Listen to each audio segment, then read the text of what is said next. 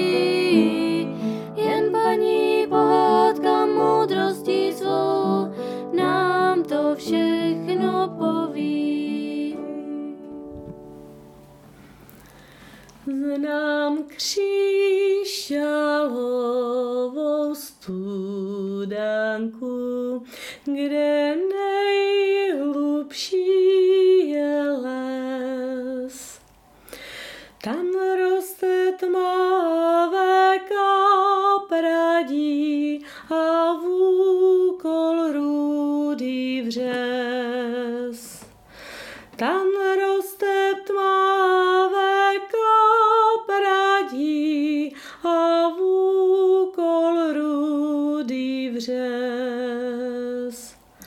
Tam ptáci láně chodí pít pod javorový kmen. Ti ptáci za dne bílého, ty láně v noci jen. Ti ptáci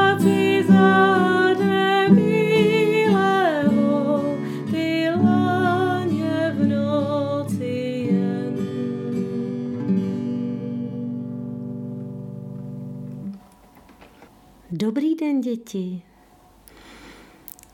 Slyšeli jste už někdy ta slova, která jsem zpívala před chvilkou v té písničce? No, někteří říkají, že to znají, nebo možná vaše maminky. Protože to je básnička od Josefa Václava Sládka. Možná i někteří z vás máte ve školní čítance. No a když jsem byla malá, tak moje babička mi zpívala tady tu básničku s melodií, kterou jste slyšeli na začátku dnešní pohádky. Tak jsem se tu melodii naučila i já a taky zpívám. A o čem, že se tam vlastně zpívá? No ano, o studánce. Znám křišťálovou studánku, kde nejhlubší je les. Viděli jste už děti někdy takovou krásnou studánku? Představte si, jedna je schovaná na paloučku mezi vysokými smrky. Veverka skákala ze stromu na strom. Uměli byste skákat jako veverka? Nebo to zkusili ukázat? Dokážete si to představit? Jo, vy jste už v postýlce pod peřinkou někteří. No jo, tak kdo tuto pohádku poslouchá už na dobrou noc a je schovaný v postýlce? Zkuste se zeptat maminky, jestli by vám nedovolila ještě na chvilku vytáhnout nožky z postýlky, že byste si zkusili, jak skáče ta veverka. No a když vám to maminka nedovolí a už chce, abyste zůstali schovaní pod peřinkou, tak to nevadí, tak zůstaňte schovaní a jenom si to představujte, jak asi ta veveruška skáče. Zkuste si to, kdo může. Hop, hop, hop, hop. Taková malá čiperná veverka. A představte si, skákala, skákala, až doskákala k javoru nad studánkou. Javor to je vysoký strom, který stojí uprostřed paseky jako rytíř. A v horkém létě chrání studánku před sluníčkem. Veverka na něm skočila na nižší větvičku, pak ještě na další, až byla na nejnižší větvi. Rozhlédla se a opatrně, hop, seskočila na zem. napila se čisté vody ze studánky. Na hladině se udělala kola, ale vodička se nezakalila, zůstala krásně čistá. Bylo vidět i každý kamínek na dně. Najednou veverka uslyšela šramot, rychle skočila na javor a hop, hop, hop. Už byla pryč. Víte, děti, kdo to šramotil? Byla to srnka. Také se přišla opatrně napít. Ukažte, jak po lehonku našlapuje srnečka. Umíte to předvést? Jo, zkuste. Úplně potichoučku dává pozor, aby ani větvička nekřupla a už je u studánky. Naklání se srnečka ke studánce, zkuste to a opatrně se napije. Hmm, tak dobrá voda. A studánka zůstala opět krásně průzračná. Ještě se přišel napít i bažant. Jak uslyšela strnečka, že něco přilétá, hop, skákala rychle do křoví a už byla pryč.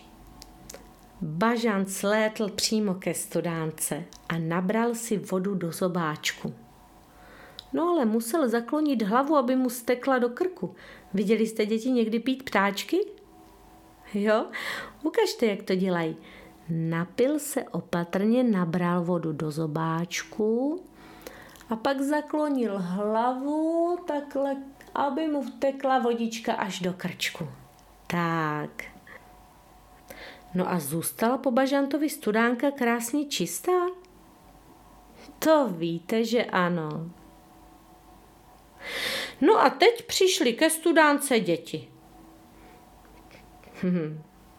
Ale pěkně pomalu, potichoučku, aby nepoplašili celý les.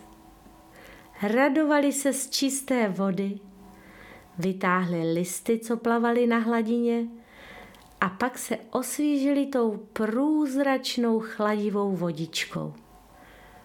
Ukažte, takhle si omyli obličej, ano, a nabrali si do dlaně a napili se. Hmm, ta je dobrá. Ale museli to dělat děti opatrně. Jinak by ze studánky byla špinavá kaluž a to přece nikdo nechce. Hmm. Víte co? Kdo vyklouzl z té postýlky, může teďka zase skočit pod peřinku a tam se pěkně zachumlat. A zkuste si to představovat, která zvířátka teda přišla k té studánce a nakonec i děti a jak ta studánka zůstala krásně čistá.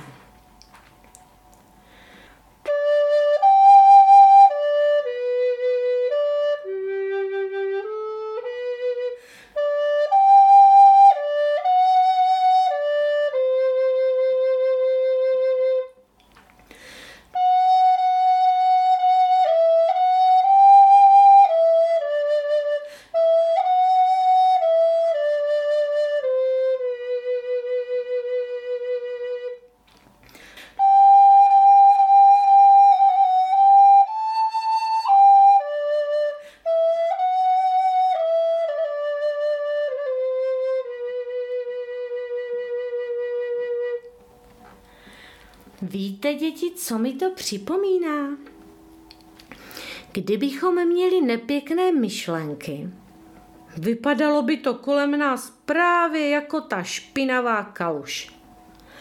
Ale když máme myšlenky krásné, čisté, uděláme z nich kolem sebe takovou nádhernou průzračnou studánku.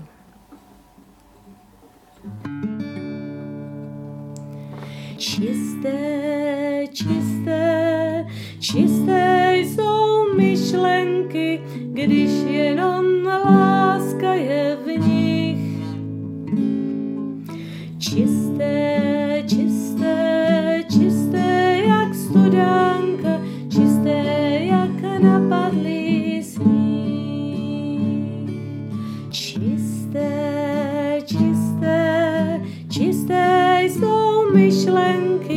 když jenom láska je v nich.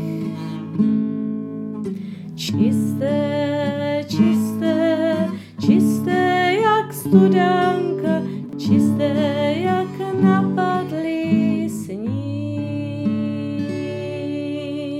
A tomu, kdo už jde spinkat, přeji dobrou noc.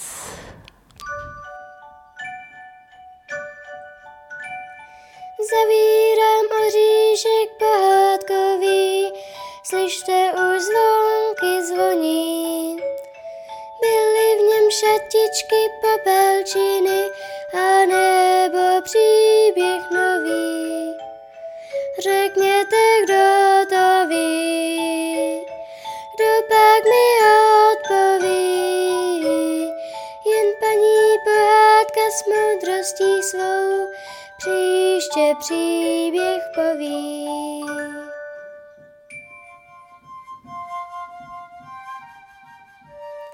Děti, víte, že každý oříšek má bělostné jadírko a v každé naší pohádce je ukrytý poklad.